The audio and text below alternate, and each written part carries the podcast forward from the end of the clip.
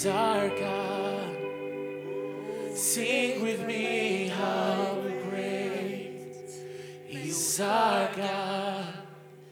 And all will see how great, how great is our God.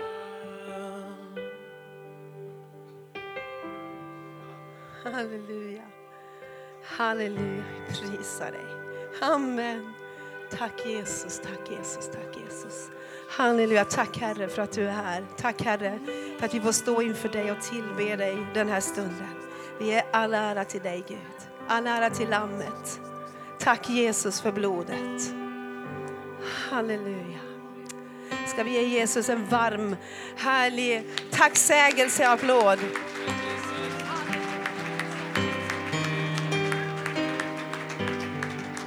Amen. Och när du ändå står och klappar så ska vi ge en varm applåd till Northwind Collective från Helsinki, Helsingfors. Kiitos teille. Jumalan siunaus teille. Härligt att vi får ha Finland också här på vår norska dag. Varsågod och sitt ner.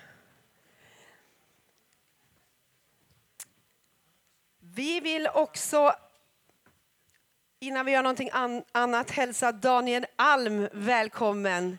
Varsågod och stå upp. Det är Pingsväckelsens ledare i Sverige. Varmt välkommen. Det är en ära för oss att du kommer och är med under vår konferens. Eller hur? yes. Visst är det spännande? Åh, Gud är så god. Och vi är mitt inne i en konferens. Och vi vill också speciellt hälsa dig välkommen som har kommit in idag. Vi har hållit på här sedan onsdag kväll. Konferensen började torsdag morgon, men vi tjuvstartade redan onsdag kväll. Vi kunde inte hålla oss. Utan vi satte igång och prisade Gud och bad och hade en, en härlig uppstart på onsdag kväll. Eh, och tack och lov så har vi flera dagar kvar. Så vi tror att vi får gå från härlighet till härlighet, från kraft till kraft. Eh, och inte minst den här eftermiddagen som jag tror vi alla har sett fram emot på ett alldeles speciellt sätt. Eller? Du är tyst. Så jag har faktiskt fått äran att presentera eftermiddagens talare. Eh, och det här är en talare som är en Guds gåva till vårt land och till hela Norden. Och det är med ödmjukhet och med tacksägelse till Herren att du bejakar att du ville komma hit och vara med under den här konferensen. Amen. Vi tror att Herren har lagt ett budskap på ditt hjärta. Eh, och eh, ska vi ge Anna Hita Persson en varm applåd? Halleluja. Tack. Halleluja. Åh, nej. Åh, tack. Halleluja. Jag tror att vi ska applådera för Herren, inte för mig. Ni vet, mörkret är inte rädd för mig. Mörkret är rädd för Herren som finns i mig. Och det är det som vi ska applådera honom. Ja. Så, Får jag bara presentera dig lite grann mer? Ja, Jag vill att de skulle få se dig här. Du är alltså präst i Hammarbykyrkan Ja. i Stockholmstrakten, eller hur? Hammarbyhöjden, ja, inte i Upplands Väsby. Ibland vi får kista eller eh, någon begravningsgrejer från Hammarby i Uppsala, i Upplands Väsby. Och vi säger nej, den är inte bokad. Nej. Så Hammarbyhöjden. Precis. Och som vi hörde igår, jag tror det var Sebastian som sa det, att du har fått döpa 500 ungefär eh, muslimer under förra året. Inte, inte bara under förra året, det som Under en tid. Under en ja, Fantastiskt. Eh, Jag eh, googlade lite granna och tittade och såg hur många tidningar som har berättat om ditt vittnesbörd. Och du, du, säger att du har valt att vara öppen och berätta din historia Ja. för att det ska kunna få bli till välsignelse för många människor, att din historia kan hjälpa och trösta många. Låt mig bara få berätt, eh, läsa en liten ingress. Eh, så här står det. Anahita Parsans liv har varit dramatiskt. Det innehåller en flykt från Iran, fängelsestraff och misshandel. Men även ett gudsmöte som förändrade hennes liv. En historia så fängslande att kungaparet valde att förlänga hennes audiens på slottet. Och du skriver så här, jag hade fått sju minuter på mig att prata men när jag var klar bad kungen mig att fortsätta. Han ville höra mer. Varsågod. Jag vill att, eh, innan jag börjar, jag vill att be. Vi ska be för, i första hand för Sverige, för staden som vi är just nu. Och vi ska be för Norge, Island, Finland och Danmark. Danmark är landet som eh, jag bodde och jag kan lite danska, men inte mig. Låt oss vi be. Oh, shikaralalalala, simmanananananasi. Oh, shikummanananananasi. Herre, jag tackar dig, jag prisar dig. Herre, vi kommer framför dig, vi står här och vi ber, Herre. Vi tackar dig för vårt land. Vi tackar dig för Sverige, vi tackar dig för att ditt kors är på flaggan, vår stolthet. Vi är stolta över ditt kors, Herre Jesus Kristus.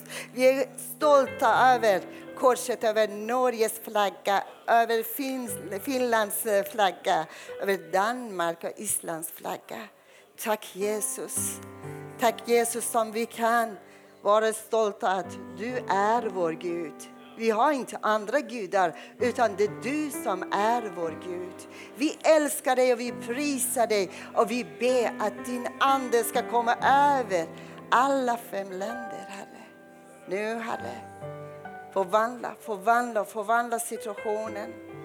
Folk, folket i de länder som vi har nämnt, de blir hemmablinda. De förstår inte vad händer här. De förstår inte, Herre, att de blir välsignat. Du har välsignat överflöde. Nu, Herre, jag ber inte att ta bort välsignelse utan jag ber, Herre, öppna landets, alla länders ögon. Låt väckelse komma. Låt din väckelse komma och väcka människor som är blinda. De som sovit. Herre, låt att den väckelse kommer över präster och pastorer och ledare som ger som tabletter till församlingarna. Låt att de präster och pastorer vakna nu, Herre. De ska vakna. Vi ber för alla ledare, Herre, just nu. Fyll vara en ledare, vara en präst, vara en pastor, Herre, med din Ande och låt att de se att de är bevapnade. De har vapen från dig och låt att de använder den vapen som de har i handen. I ditt namn Jesus, jag ber nu att din eld ska komma nu över den här församlingen, över den här konferensen. Låt att din vilja ske här. I Jesu namn. Amen. Amen. Tack. Det är faktiskt, eh, jag har tänkt och funderat om att jag ska predika. Och så var och en som har träffat mig har sagt, ska du berätta om din historia? Jag tycker att, nej, inte riktigt om min historia. Jag vill berätta lite överallt. Om jag ska berätta om min historia så det tar lite tid. Men jag vill att berätta lite grann om min historia men samtidigt vad Gud har gjort i, i mig och för den församlingen som just nu jag jobbar med och, eller jag känner dem. Den här boken, jag vill inte uh, göra som en reklam. Den är inte reklam. Ni behöver inte köpa den. Jag kommer ihåg uh, för cirka två år sedan. Precis när jag skulle åka till England så Elisabeth Sandlund sa Anahita, tror du inte att du ska skriva en bok om ditt liv? Och nej, nej, nej, nej, Elisabeth. Jag vill inte. Det är, min historia det så, det är för mig och jag vill inte att någon pekar på den och skrattar eller bedömer eh, mig. Det är mitt liv. Jag vill inte göra det. Karl-Erik Sellberg var, sa emot och sa du ska skriva om ditt liv. Det är många som ska eh, höra och lyssna. Och jag tänkte nej, det ska jag inte göra. Jag åkte till England, det var en konferens där för alla ledare och pastorer från olika länder. Och på morgonen jag hörde en av dem säga att det är en präst eller en pastor från England vill träffa dig. Tydligen, han känner dig och han vill ha ett möte med dig. Han kommer från Oxford att träffa dig. Och jag tänkte, Gud, okej. Okay. Um, men jag hörde Herren sa, han kommer att fråga dig om någonting. Du ska säga ja. Tidigare han har sagt och frågat mig om jag ska flytta till England och jag ska jobba i deras församling. Och jag sa nej. Karl-Erik sa nej, nej, nej, vi behöver dig här i Sverige, du ska inte till England. Och jag tänkte kanske han ska upprepa frågan och jag ska säga ja, så ingen kan hindra Gud. Men sen han kom och frågade mig, Anahita, efter en timme, varför du inte skriver om ditt liv? Vill du inte skriva om ditt liv? Och jag sa ja, jag ska göra det. Direkt jag sa ja. Alltså den författare som skulle hjälpa mig, han kom om tre timmar efter eller så och vi kom igång direkt. Så det blir den här boken. På engelska det Stranger No More, men på, på svenska det blir som förra året kommit i juni och New Wine som det var första dag som vi har sålt i konferensen i New Wine. Så det handlar om mitt liv, men inte allt. Det är bara så mycket som jag kände att det är okej. Okay. Det finns många saker som jag har inte skrivit därför att jag tycker att folk orkar inte höra. Jag är före detta muslim. Jag levde som muslim. Jag kommer från en traditionell muslimsk familj. Och eh, jag kommer från en stad som heter Isfahan. De folket de har en speciell accent, som precis som eh, från Skåne. Folk känner den som direkt. När jag pratar de förstår att jag är från Isfahan. Men eh, den traditionella muslimska familjen så tyckte att jag ska gifta mig ganska tidigt. Och det gjorde jag. Jag fick barn ganska tidigt också. Innan jag fyllde 18 så jag var mamma. Men tio dagar efter, när jag kände mig att jag är mamma, jag förlorade min man. Jag blev änka innan jag fyllde 18. Och mitt liv det blir som en historia eller som i vinden. Som jag skulle kämpa att få barnen tillbaka från familjen eftersom jag hade inte rätt för att vara vårdnadshavare över honom. Och senare, det är så långt historia, som eh, jag fick det efter två år. Khomeini som har sagt män i Iran kan gifta sig samtidigt med fyra fruar och eh, om de har råd med money så det är okej okay att de gifter sig med fyra fruar samtidigt eftersom det var krig i Iran. Och jag tänkte, nej absolut inte. Och där det var så väldigt press på mig att eh, fråga efter att vill du gifta dig med mig?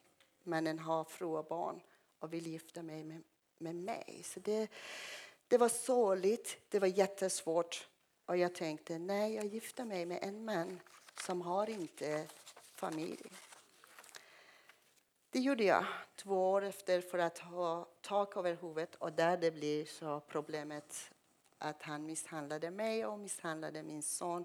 Och han hade en dotter från tidigare familj, eller tidigare fru. Där det som uh, jag har försökt att ta livet av mig flera gånger. Men uh, han misshandlade mig och misshandlade barnet på små saker som kanske, kanske om jag berättar om det som hänt, till exempel min son kissade på mattan. Han var två år gammal, två och ett halvt år gammal och han var så förbannat arg varför han kissade på mattan. Så han tog honom till badrummet och skulle straffa på hans kön. Där det var så såligaste tider i mitt liv som jag kommer ihåg. Och när jag ser på min son, fortfarande det såret finns i mitt hjärta. Men vi klarade av det. Vi har Jesus i vårt liv och allt det blir helt annorlunda och det blir bättre nu. Men eh, sen en dag som han sa att eh, han ska komma ut från Iran eftersom det var krig. Och den tiden vi har fått barn tillsammans. Min lilla dotter Roxana som vi har fått. Hon var en månad gammal som han eh, tagit beslut att det ska fly från Iran eftersom regimen var efter honom. Och där det som det blir problemet, det var ovädret. Det var mycket snö i bergen och vi kunde inte ta vägen från eh, vanlig gräns ut från Iran. Så vi gick över Araratbergen till Turkiet. Och den vägen, det dröjde från den dag som vi kommit ut hemifrån till den dag som vi hamnade i fängelse, 18 dagar. De fem dagar som vi var i bergen och lilla, lilla Roxana var i en väska. En militärväska som vi hade henne, placerat henne i mellan en filt och eh, eftersom smugglaren var arg på henne för att hon skrek i bergen och hennes röst ekade i bergen så ville ta livet av henne med pistol. Så i slutet han sa att okej, okay, vi kan ge medicin till henne att hon ska sova. Tydligen han gav för mycket medicin som hon sömnade och hon var i den här väskan. Hon rörde inte sig och smugglaren efter några dagar lämnade oss. Jag kunde inte gå. Det var vinter. Det var så kallt. Och sen där eh, det kommit massa med vilda djur runt omkring oss. Jag, har, jag kan bara säga att jag har tappat känslorna för livet. Det bara jag kände och jag hade som skuldkänsla eftersom min son var hos mina föräldrar. Vi kunde inte ta sonen med oss. Och där det var så problemet som jag tänkte, jag har förlorat min son, jag har förlorat min dotter. Jag är inte värd att kalla mig mamma. Så jag försökte ta livet av mig i bergen också. Jag började att slå min panna på någon sten medan min före detta man kom och sa att vi ska begrava henne. Hämtade stenar och skulle göra som en pyramid runt henne. Det som vilda djur kunde äta upp henne. Men sen eh, han gick att hitta en väg, men senare han kom tillbaka. Medan han var borta jag tog henne tillbaka i min famn. Och jag grät så högt som jag kunde i bergen och jag ropade Gud, var är du? Varför du har glömt mig? Varför du straffar mig på det sättet? Medan jag skrek Gud, var är du, var är du? Han kom tillbaka och han sa, Vi har, jag har hittat en väg. Och jag tror att vi ska överlämna oss till Turkiet. Turkiska eh, polisgränsen som finns där, de kommer att ta oss. Vi gick där medan vi hade väskan i handen. De tog oss och eh, sen de körde oss till fängelse. Men innan de körde oss, barnet var hos oss. Vi var fortfarande i bergen i en väska som det var blixtlås på den. Så en av de eh, soldaterna gick med spjutan till den där väskan och skulle se vad finns i den här väskan. Så jag bara ville visa ett baby. Ett baby finns i den. Det är ingenting annat. Det är inte någonting farligt. Jag öppnade blixtlåset och jag såg min dotter titta på mig. Hennes ögon var öppna. Så gråtande jag började tacka Gud för det. Men de soldaterna fattade inte att titta på baby har inte så här tårar som jag har. Och varför jag gråter så här starkt. Men sen vi gick till fängelse tre dagar i häkte. Inte häkte som finns i Sverige. Du ska se det. Det är bara vi ska dit och evangelisera kanske där.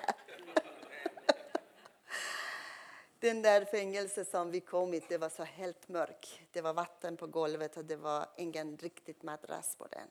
Och jag skulle eh, ta min, min baby på min bröstkorg, att värma henne på min bröstkorg. Ingen blöja, ingenting. Öppna hennes ben. Hon ska kissa och bajsa i en burk. Efter fyra månader vi fick frihet har vi kommit ut från fängelse. Vi gick till eh, Istanbul. Där i Istanbul vi väntade på uppehållstillstånd från Danmark. Tre, tre olika länder som vi har skickat vår ansökan. Danmark, Sverige, Schweiz. Danmark det var första land som svarat ja, ni är välkommen. Vi åkte till Danmark, men min före detta man fortsatte fortfarande att misshandla mig och till och med bebisen snart. Livet var inte lätt och han förbjuder mig för att kontakta folk och folk, eh, kontakta danskarna. Jag lärde mig danska och jag har kommit i kontakt med eh, folket men det var omöjligt att berätta vilken historia och vilket helvete vi har hemma. Ofta när jag hade blåmärken på min kropp så det kunde jag hitta och jag ramlade ner från trapporna. Eller det var någonting som uh, hände mig. Det var, jag själv har gjort någonting fel. Men det andra gånger när han slog mina barn framför mina ögon och misshandlade det. Min son kom till, eh, till Danmark och han misshandlade honom framför mina ögon.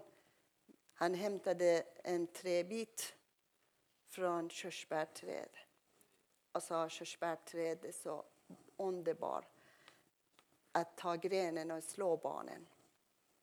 Så där jag kunde inte orka. Jag har försökt att fly från honom men han, han hindrade mig och jag kunde inte göra någonting. Sen eh, jag hämtade pilar, tabletter. Jag skulle ta livet av mig. Och den här gången jag hamnade i koma. Jag ville inte leva. Men min son den tiden var tio år gammal. Han ringde till läkaren och läkaren har kommit hem till mig och såg att jag var uh, helt borta. De körde mig till sjukhuset och räddade mig där på sjukhuset. Men uh, tydligen polisen och socialen kommit till bilden och de frågade mig eftersom när jag skulle vakna så jag har berättat lite om varför jag har tagit tabletterna. När socialen började fråga mig i sjukhuset så jag sa nej, nej, nej, nej det är ingen fel. Det felet är på mig. Han har inte gjort mig. Det kanske jag har tagit för mycket tabletter och jag var lite så här yr. Jag har sagt saker som det inte stämmer. Men sen där började um, en riktig fundering för mig. När jag kom hem funderade att jag ska fly från honom. Jag hade en visitkort. Jag ringde till socialen tio dagar efter. När jag kände i kroppen att jag är starkare. Jag ringde till socialen och jag sa jag är beredd, jag vill fly. Men ni ska lova att rädda mig. Och de har lovat att rädda mig. Så jag kom till en kvinnojour. De gömde min bil och mina barn blev i skydd. Därifrån, det är en lång historia igen som vi flydde hela tiden och skulle gömma oss till den tiden som vi gick igenom skilmässa. Men efter ett år jag har fått ett telefonsamtal från polisen i Danmark. De sa att vi ska uh, besöka dig. Vi vet att uh, din man har planerat, din före detta man har planerat att kidnappa barnen. Han har köpt en biljett, skaffat pass från Frankfurt 22 december år 90 ska skicka tillbaka till Iran. Du är fortfarande med lagen i Iran och med islamisk lag, du är fortfarande hans fru. Om barnen åker tillbaka till Iran så du har ingen val. Du åker tillbaka till Iran och där du är hans fru. Så han vill fånga dig på det sättet. Men på någon slump vi har kommit på att han eh, ska planera så. Och vi har bevis på det. Jag började gråta så högt. Varför det hände mig så mycket. Det är bara allt som hände mig. Hur ska jag leva i frid? En av de polismän la handen på min axel och sa Anahita, vet du inte Gud är med dig? Vet du inte att du har änglaskydd på dina axlar? Vet du inte att det är så många kontaktar polisen. Polisen kan inte göra någonting för dem. Men tänk att vi har kontaktat dig. Vi har kontaktat socialen och socialen är beredd att hjälpa dig att du flyr från eh, Danmark. Du behöver inte tänka på pengar eller någonting. Bara säg ja, de kommer att ordna allt. Så barnen var i simhallen och jag hämtade dem och eskorterades av socialen till Sverige. Så polisen och socialen det var bästa mina vänner under fem år. Från Danmark, från Sverige. De har gjort jättebra samarbete och de har räddat mig. Så jag tackar dem.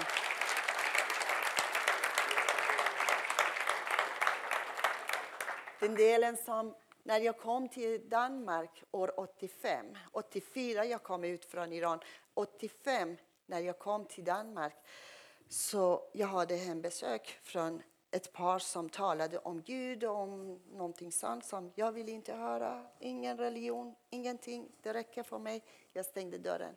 Sen dagen efter, det var regnig dag, det kom de två tillbaka. Och de hade med sig en farsi-bibel och de ville att jag ska läsa den. Jag tog den, stängde dörren. Jag tyckte att nej, det räcker för mig. Jag vill inte ha någonting. Men varför jag tog emot Bibeln, jag vet inte. Det är bara kanske jag tyckte att jag kan bli av med dem. De gick, jag la den på Bukila, men varje gång som jag hamnade i en svårighet, jag gick fram till den här Bibeln, pustade på Bibeln och sa Marias son, om du finns, hjälp mig, rädda mig, hjälp mig. Och jag fick bara svar. Jag fick om och om och om bönesvar.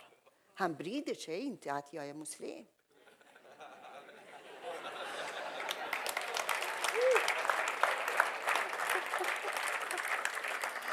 Han tänkte inte som jag.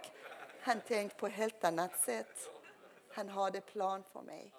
Han visste en dag jag ska till kungaparets hus, till slottet och jag ska tala om Jesus.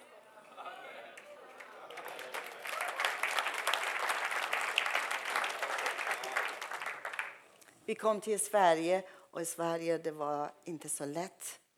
Han har hittat oss i Sverige. Vi flyttade från Malmö till Linköping, från Linköping till Vadstena, från Vadstena till Stockholm. Och han har hittat oss om och om och om.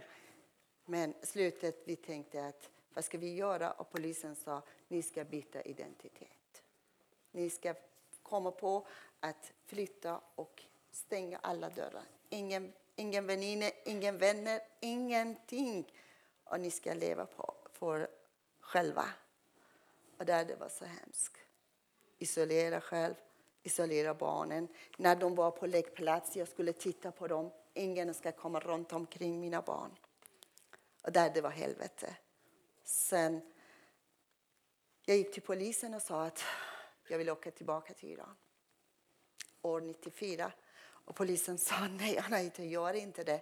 Det är jättesvårt, du kommer att hamna i fängelse i Iran. Nej, jag orkar inte, jag får ingen kärlek. Jag kommer att må dåligt. Jag är inte bra mamma, jag vill att ta hand om mina barn. Jag har inte ork. Jag är väldigt ensam här.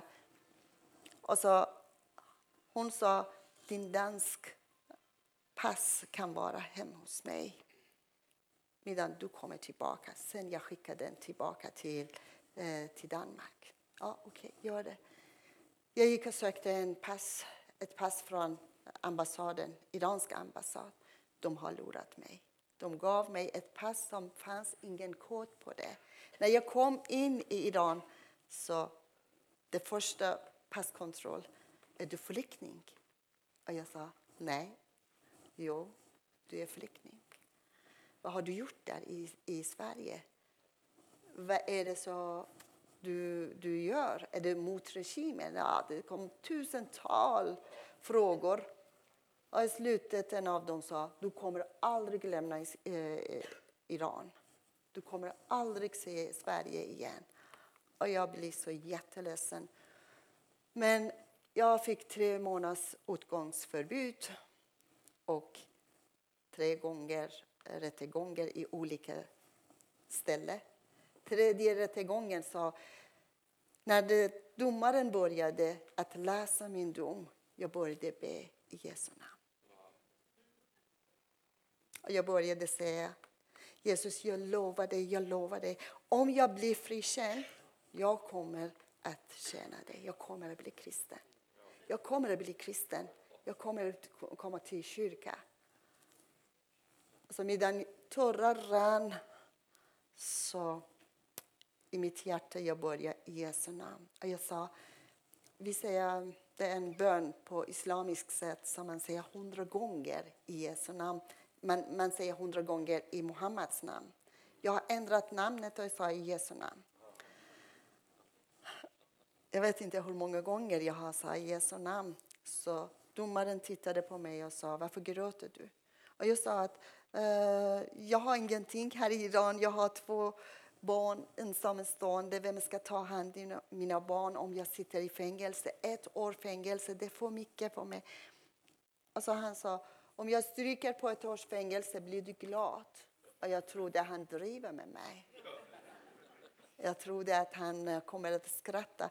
Men försökte jag bara nickade och eh, han sa Varsågod, du är fri, men glöm inte skicka inbjudan till mig. Och jag sa absolut, jag ska göra det. Jag kom tillbaka tre dagar efter. Jag kom tillbaka till Sverige. Jag gick, dagen efter jag gick till eh, Maria kyrka, tände ljus med min son och min dotter och sa nu vi blir kristna. Och jag trodde när man tänder ljus i kyrkan så kan man bli ett kristen.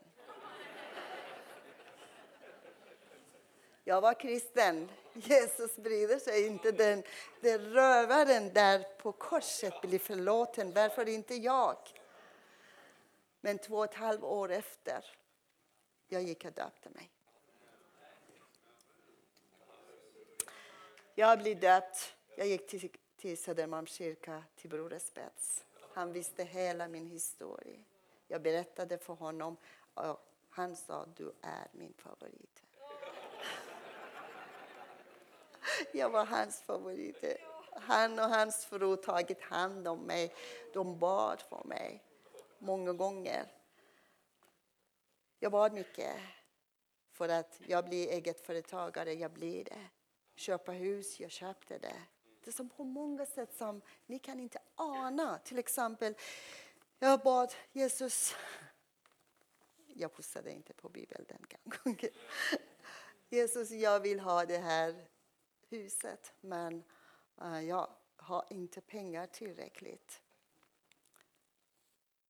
Jag kom ihåg, jag kom från jobbet, jag drack min te, la den på tidningen. Och sen när jag sovit lite och vaknade och tittade på den ringen som runt en annons. Hjälp, hjälp. Vi vill sälja vårt hus på ett bra pris. Ni kan kontakta mig. Och så jag har tittat. Det är ett par som vill gå i skilda vägar och de vill ge bara huset och gå därifrån. Och de kommit överens med mig att jag betalar till dem på avbetalning och inte till banken eller någonting så. Så jag, jag har skrivit avtalet med det också. Jag vet inte hur det kunde hända, men det hänt. Jag bad till Jesus om ett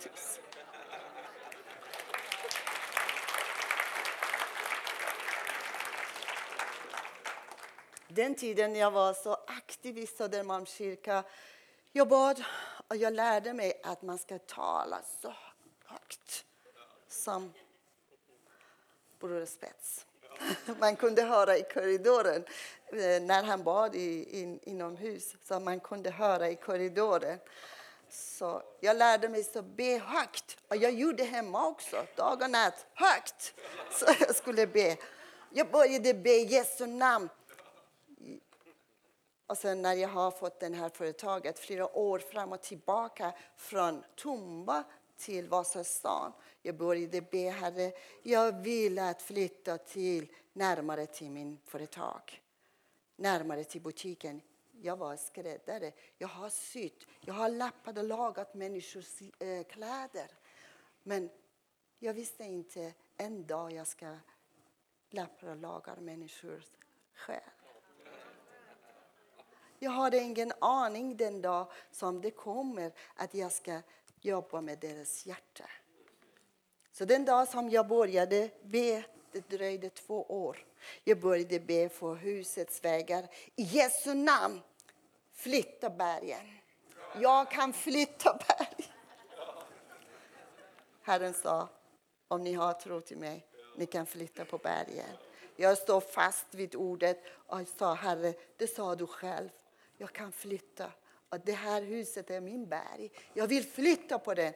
Alltså jag fick en kontakt från en kund som kom till min affär och sa Anahita, vi bor här i grannskap med din butik. 50 meter från butiken. Och jag kan inte gå trapporna upp. Jag vill byta den mot ett annat.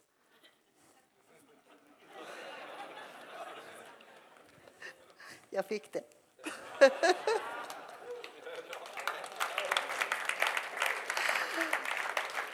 Det var en liten historia, men jag fick det. Och sen ett år efter, vi har fått brev från, eh, från familjebostäder. Ni som bor i det här huset, ni kan köpa den på halva pris.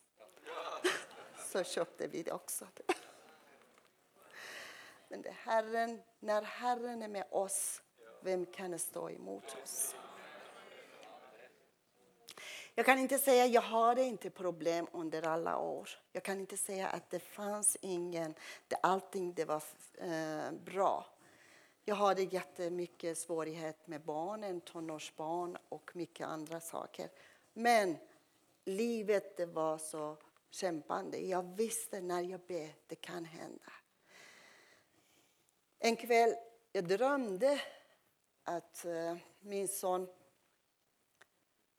håller på att eh, skrika så högt i drömmen som jag kunde se hans kärl här. Jag vaknade och jag hörde heliga Ande säga be för honom. Så jag gick eh, i hela korridoren, i hela vardagsrummet i Jesu namn. Vad händer här? I Jesu namn. Jag säger till dig mörkret, du får inte röra min son. Alltså det var klockan kvart över två. Jag la på bönen. Alltså jag, ringde till honom kvart över två. Och jag sa, hur är det med dig? Jag kände att hans röst det var inte alls sömnigt. Mamma, varför du ringde mig? Och jag sa, jag hörde att, eh, och jag har hört att du skriker i drömmen. Jag berättade vilken vänner var i närheten av honom. Så han sa, Jo, det stämmer mamma. Men imorgon jag kommer att prata med dig. Imorgon han kom och berättade att två vänner var hos honom. De skulle dataspel och de blev osams. Så han gick fram för att de två ska inte slå varandra. Och han kunde inte göra det. Så när jag började be så plötsligt de blev tysta, kramade varandra och de gick ut. Så han sa, mamma, jag vet inte, jag, det är lite obekvämt för mig. Alltså, det hände flera gånger. Så han sa, lite obekvämt för mig, det känns att du har kamera här hos mig. Jag vågar inte göra saker. Det känns att du kommer att förstå allt som jag gör. Men eh, det var också, det var också någonting som hände. Men det, det är en lång historia. Flera år efter jag gick till eh, Klara kyrka eftersom Bror Spets sa du ska bli pastor. Jag vill inte bli pastor. Jag vill vara skräddare. Jag vill sy och jag vill be för folket som kommer till den här skrädderi. Jag tog dem till provrummet. Jag bad för dem och de har fått bönesvar. Så jag frågade Herre, vill du att jag ska vara i bönerummet, i provrummet och be för folk? Eller vill du att jag ska gå ut och be och vara i tjänst i kyrkan? Visa mig. Så en dag, jag har fått det. En morgon när jag bad, så klockan tre på eftermiddag, jag har fått ett svar. En granne till mig kom och sa, den tiden jag hade två butiker. En granne till mig kom och sa att Anahita, vi är beredda att köpa din butik och vi är beredda att betala all kostnad som du har satsat. Ännu mera. Och jag tänkte, mm, jag vet inte. Och jag kände, Gud, jag vet att du har bråttom, men jag visste inte så bråttom. Bror Spets har sagt till mig, men jag trodde att jag ska höra från dig direkt. Och där det dröjde 15 år efter ord som Bror Spets har sagt. Sen jag gick till Johannelån på ett sätt som det är en historia också. Jag blev antagen när jag har börjat studera där. Alla mina skolkamrater var så unga, mellan 19 och 24. Och jag var så äldst, mamma till alla. Och jag trodde de kommer att snabbt gå ut. Jag kommer att stanna här för evigheten. Men eh, det blev omvänt. Det första som gick ut, det var jag. Och sen, där det var så fantastiskt som en bra känsla mellan mamma och eh, barn jag hade med mina eh, klasskamrater. Medan jag hade den här, så där det började med min eh, vardagsrum. Jag började be. Jag gick till Inga Pagarius och sa Inga, jag tror att vi ska be hem hos mig och vi ska bilda. Och så hon sa Anahita, nyligen jag har flyttat till stan. Det kan vi bilda en hemgrupp till, till, i, i ditt hem. Men hon har aldrig kommit. Så det blev jag, mamma och en av mina anställda som blev frälst och jag, eh, Karl-Erik har döpt honom. Första veckan, vi var tre. Andra veckan mamma sa, kan jag ta min väninna, hon är muslim och ramadan och hon är fastande kommer. Är det okej? Okay? ja mamma, ta henne hit.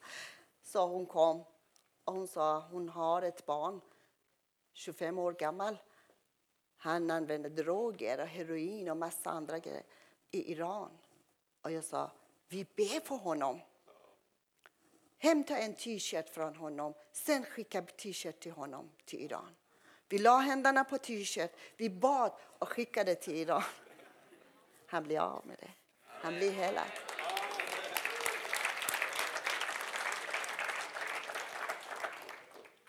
Så det, på det sättet det är så många personer som blir helade och fria. Alltså vardagsrummet eh, fick inte plats för alla som kommit. Jag tror efter sex månader som eh, Karl-Erik Salberg kom hem till mig att predika i den här lilla gruppen sa Anahita, varför du samlar så mycket folk hemma? Varför du inte kom till Klara? Ni kan vara i Klara och bilda den gruppen i Klara. Ja, vi kommer. Vi gick till Klara och där det var så kraften av heliga ande var enorm. Det kom massor med muslimer och jag lärde mig att islam har en ande vi har inte samma Gud. Vi kan inte be på, uh, och säga okej, okay, Allah och Jesus är samma. Det är två olika. Om en del som säger att vi har samma Gud, de säger fel. Lyssna inte till dem. Jag har levt med Allah, jag har levt med Jesus. Det är så olika. Så vi började be i Klara kyrka. Det fanns folk som kom till mig och så direkt sa Anahita, jag hatar dig. Och jag visste att det är anden som pratar. De hatar inte mig, de hatar den ande som finns i mig. Och så de sa, oj, det var inte meningen, jag vill inte säga det. Nej, det är ingen fara, vi ber för dig.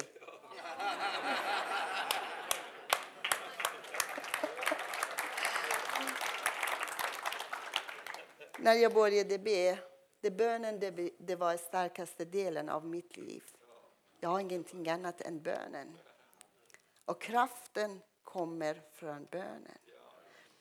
Just nu vi samlas här för att hur ska vi göra att ska komma börja väckelse i Sverige eller, eller i hela Norden. Det är genom bönen.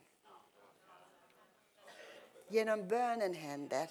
Varför så många kommit till tro? Genom bönen händer. Jag har varit i Etiopien och när jag kom tillbaka från Etiopien um, jag har tre vänner förresten här, så ni kan stå upp.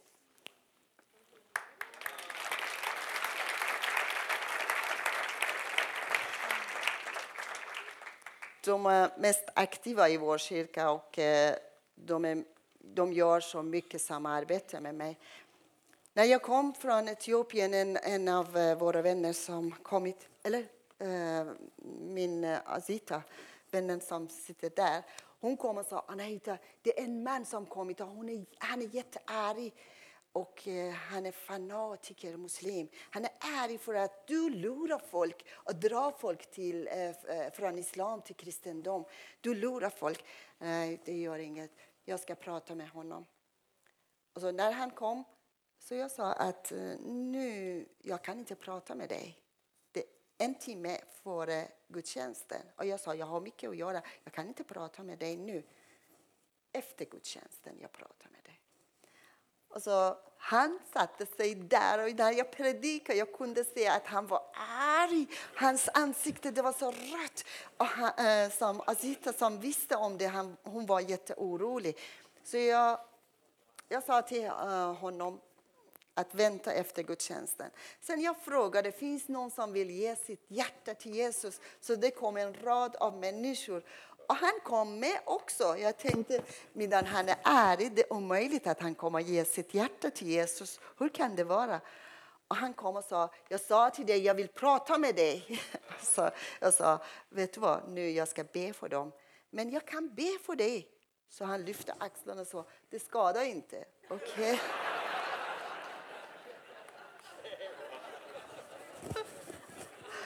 När han sa det skadar inte, okej. Okay.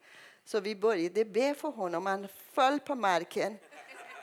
Och han var på marken nästan 20 minuter. Efter det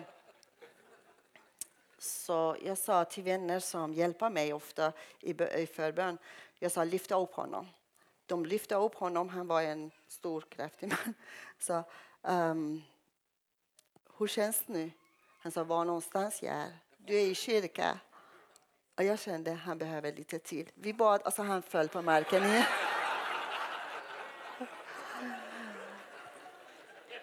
Efter 20 minuter när han stod upp, jag frågade honom ehm, är det okej okay med det? Ja. Har du någon fråga? Nej. Men medan han var på golvet, vi bryter makten av islam i honom. Vi hade tillfälle för att be och bryta makten av islam på honom. Vi klippte banden och vi sa Jesu namn försvinn islams ande. Du har ingen makt över honom. Så när han stod upp så han gick hem och mitt på veckan han kom med en sopsäck, en svart sopsäck. Jag tänkte, är det någon bomb eller någon, vad är det som finns i det? Jag vågade inte riktigt öppna den. Han sa, det är till dig. Och jag sa, okej, okay, vad finns i det? Att alla böcker i min bokhylla Koranen och sånt som det var i bokhylla. Jag har ingen användning för det. Jag vill ge dig. Jag, jag, är rädd att själv göra någonting med det. Så du kan ta den. Jag tog den och jag sa jag ska fixa den. Jag har fixat.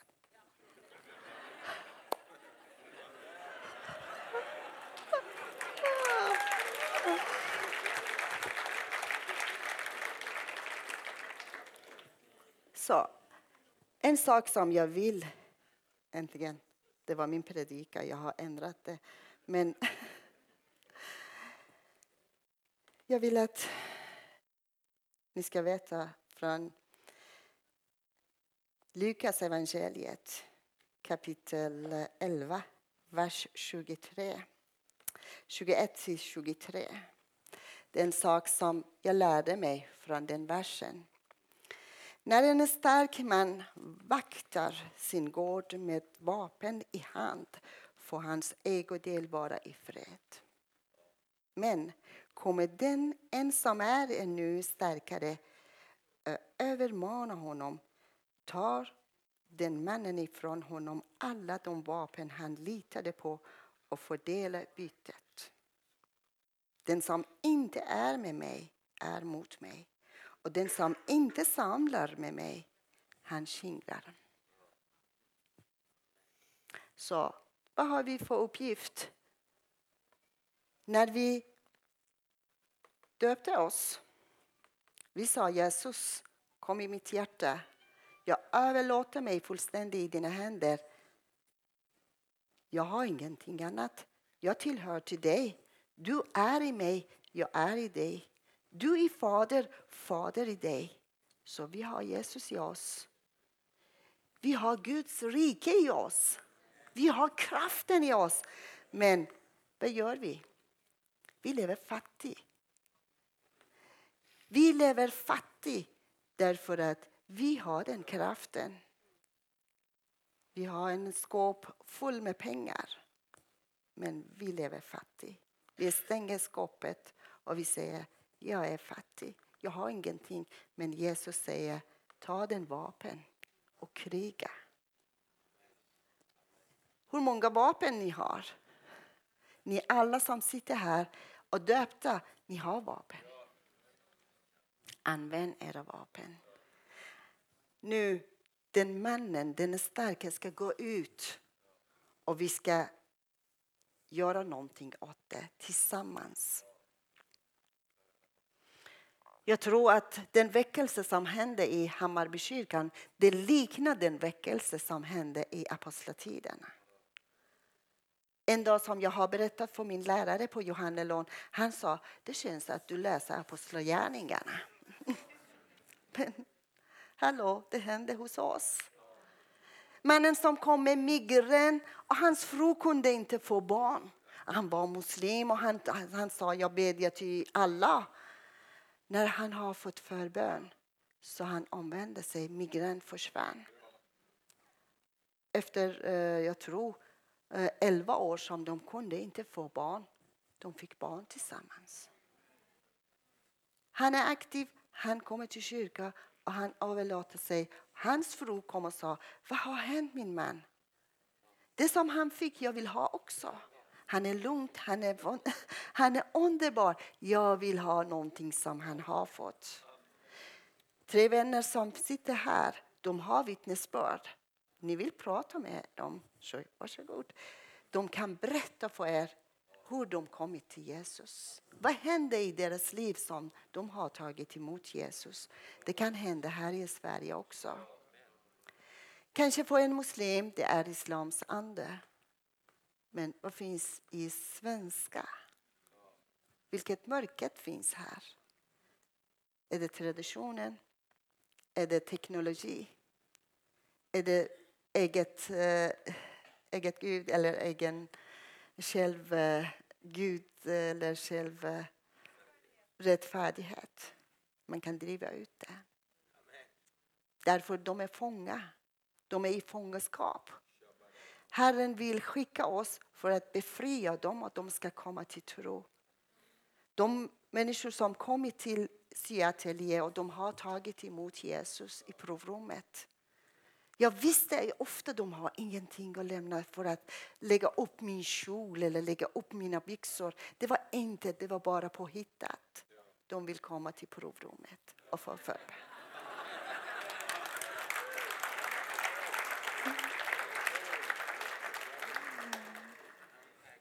Jag har kanske tusental vittnesbörd. Vilket av dem jag ska berätta. Men jag vet att eh, den dag som eh, jag skulle till kungahuset Kungaparet har varit i Klara kyrka. Alltså jag har vittnat. Jag åt middag med kungaparet bredvid dem. Det var någonting som jag själv fattade inte den tiden. Hur kan det hända? Därför att Karl-Erik Salberg sa till mig Kan du vittna sju minuter? Ja. På söndag? Ja. Men han sa inte till mig till kungaparet. Sen jag läste i tidningarna fyra personer ska ha vittnesbörd. Och jag fattade, en av dem det är jag. När kungaparet har varit i Klara, jag har vittnat. Det var så fin middag eller lunch tillsammans efter nattvarden. Och jag var i tjänst den tiden. Sen eh, den där uh, security, uh, kom och hämtade mig att alla väntar på dig och du ska äta lunch med dem. Ja, jag kommer. Jag gick där, jag, ät, jag ätit med dem.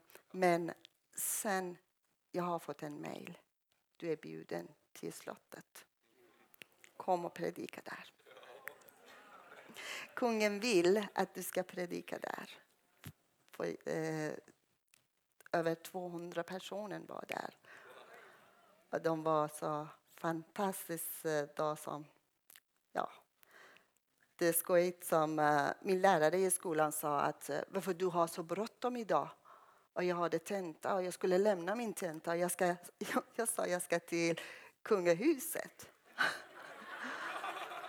Han fattade inte vad jag sa. Sen när han hörde att jag har varit där och han förstod att jag inte, det var inte skoj, det var på riktigt. Så, vad tror ni? Vad är ert vapen? Vi har vapen. Vår vapen är vår bön och heliga Ande. Vi ska be så hårt, kraftfullt. Och vi ska be för Sverige, Norge, Island, Danmark, Finland. Vi ska be för Iran. Det är många som sitter i fängelse för sina tros skull. Vi har massor med kontakter, men det finns inte tid, tror jag. Eh, uh, tiden gick ju. Eller? Har jag tid? Åh, oh, vad bra! Halleluja. Så den tiden som eh, jag har använt för att folk ska komma till tro, det var inte mina krafter. Det var Herrens kraft. Det som jag nu satsar, det handlar om vittnesbörd eller undervisning. Tisdag, onsdag, torsdag, fredag och söndagar. Jag är i kyrka och undervisar. Söndagar det är gudstjänst. Men jag jobbar mycket med själavård. Så det kommer en skara av människor till kyrkan. Och eftersom jag hade den erfarenheten och jag var bevapnad med Herrens vapen. Så jag började be för dem och de kom till tro. Mellan sju till 40 personer varje gång kommer folk till tro. Det är någonting som det blir misstänksamhet i Svenska kyrkan att vad du håller på. De trodde inte att det var på riktigt. Folk kommer till tro. Flera gånger jag fick förhör att berätta för oss vad har du gjort och varför du ska döpa dem. Ja, det är som jag har berättat att nej, de kommer till tro och Herren älskar dem, de älskar Herren. Nej, vi tror att du sätter människors liv på fara. Men det är inte det. De är vuxna. De är högutbildade, flesta av dem. De vet vad de gör. De levde med islam. De vet att vad finns för straff för någon som lämnar islam. Men nu, vad hände här? Vi bildade en grupp med tre personer. Nu vi har 300 medlemmar. Många av dem gick till andra ställen och de började att själv evangelisera eller de blev med och medlem i andra kyrkor. Ibland jag säger att jag lär dem inte att eh, ge mat till dem på det sättet som jag fiskar och ger dem. Utan jag ger nät till dem och jag säger varsågod, ta till havet och fiska. Gå till havet. Fiskarna finns där och vi ska fiska. Men Herren visar oss på vilken sida av båten finns fisken. Eller hur? Så hur ska vi göra nu?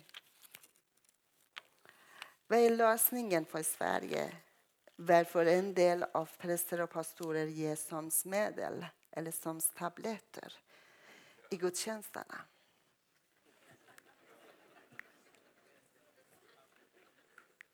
Folk sover med öppna mun. Och när de lämnar kyrkan säger de säger det var jättebra predikan. För att predikanten ska inte bli ledsen.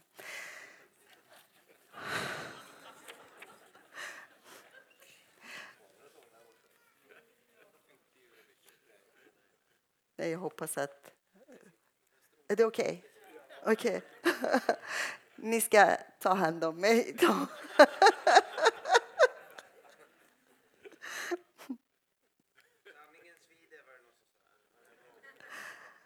Jag vill säga att eh, vi behöver att komma till bönen. Syndabekännelse. Det är så viktigt.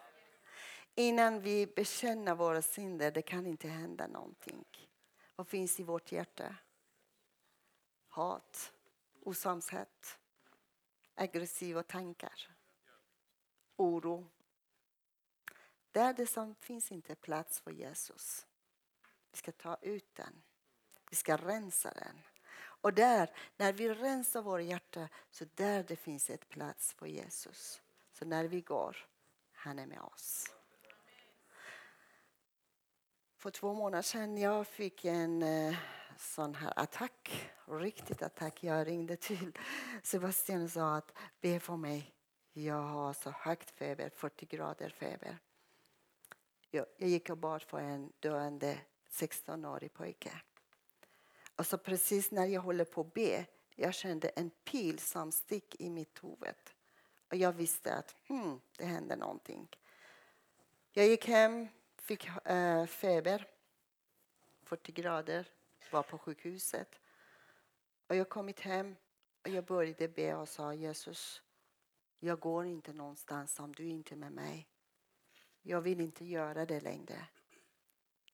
Och han sa, jag är med dig. Var inte det. Var inte rädd, jag är med dig.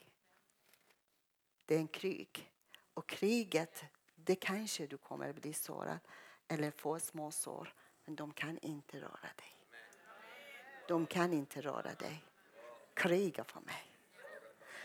Så jag vill gärna, gärna säga kom, vi ska kriga. Kom, vi ska använda våra vapen och vi ska be genom bönen kan hända mycket här. Amen. Tack så mycket.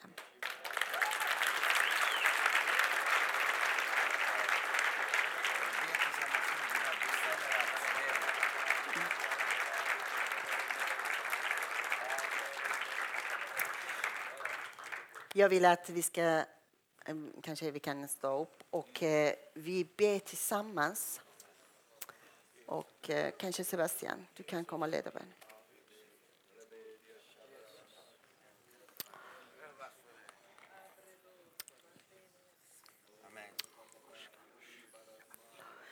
Oh, halleluja Fader. Tack Jesus. Oh, Jesus. Tack Jesus. Tack oh, Jesus. Herre, vi bara ställer oss i frontlinjen just nu. Oh, halleluja, halleluja, och vi ställer oss inte bara i frontlinjen, vi går förbi frontlinjen. Och vi går oh, över på fiendens sida och vi ska plundra fienden och vi binder en stark över våra nationer just nu i Jesus Kristus namn. Vi bryter Satans makt över Norden just nu i Jesus Kristus namn och vi binder en starke i Jesus Kristus namn. Vi binder en starke, vi binder alla andefurstar, alla demoner över vårt land som härjar och som plågar människor. Vi bryter deras inflytande och vi bryter deras makt och vi binder den starke och hans välde i Jesus Kristus namn.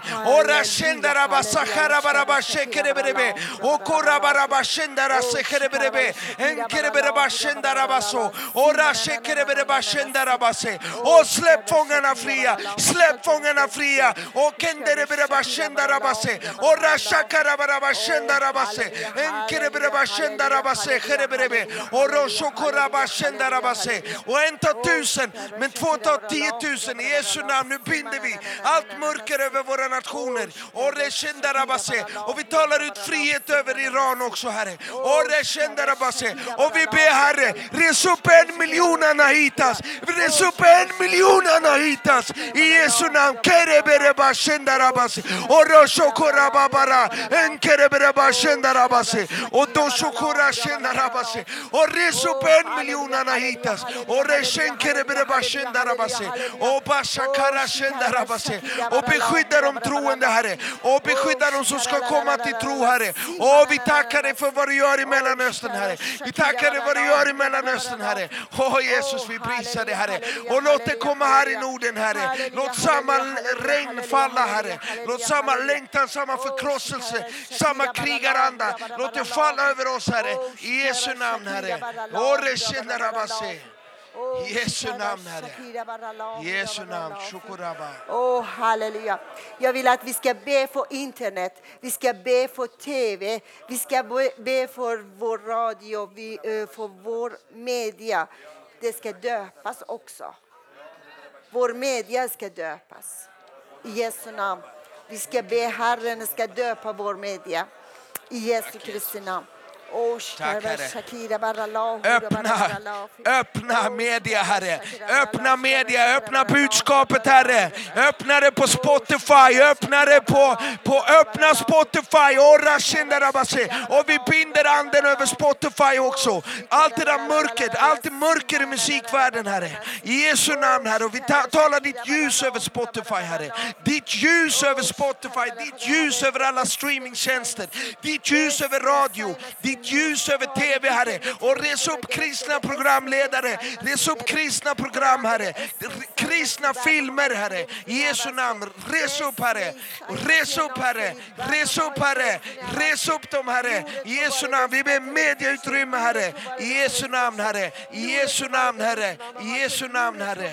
I Jesu namn. Öppna, öppna, öppna, öppna, öppna, öppna portar, öppna portar, öppna Öppna portar, öppna portar. Afata, afata, afata, afata, afata, afata, afata. Oh, shikarabar shakira bara la. Herre, vi ber, vi ber för eh, regeringen, Herre. De ska döpas, Herre. De ska döpas i din ande, Herre Jesus. Förvandla, förvandla regeringen. Förvandla regeringen.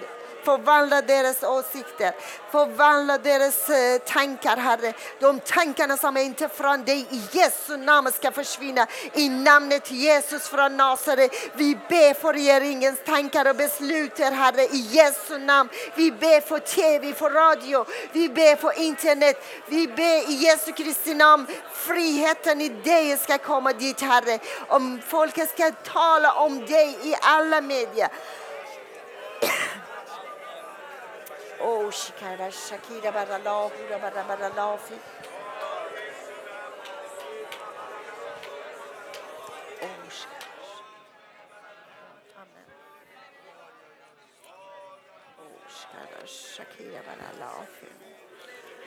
Oh, halleluja, halleluja, halleluja. Jag tackar Gud för att eh, ni är törstiga och hungriga. Jag tackar Gud för att ni vill. Och så, jag vet att det kommer att hända. Jag vet att era bön är hörda. Jag vet att det kommer att hända. I Jesu namn. Det ska förvandlas. Det är inte vi som förvandlar Sverige eller Norden. Det är han som gör det genom vår bön. Och vi tackar honom för att det har hänt. Vi vet att det kommer att hända i Jesu namn. Amen. Tack så mycket.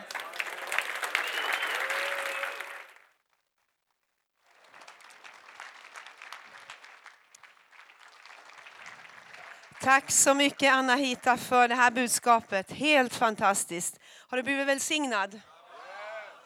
Så, du har berört våra hjärtan och Guds ande har varit här och bara använt dig på ett fantastiskt sätt. Så tack att du kom och tack att du delar ditt hjärta med oss. Eh, jag vill varmt rekommendera, den här boken finns där bak att köpa. Eh, nu ska vi göra så här att vi tar, eh, vi tar ett litet break här då vi vilar upp oss inför kvällen. Halv åtta så fortsätter vi här. Och då så ska vi få lyssna till Jörn Strand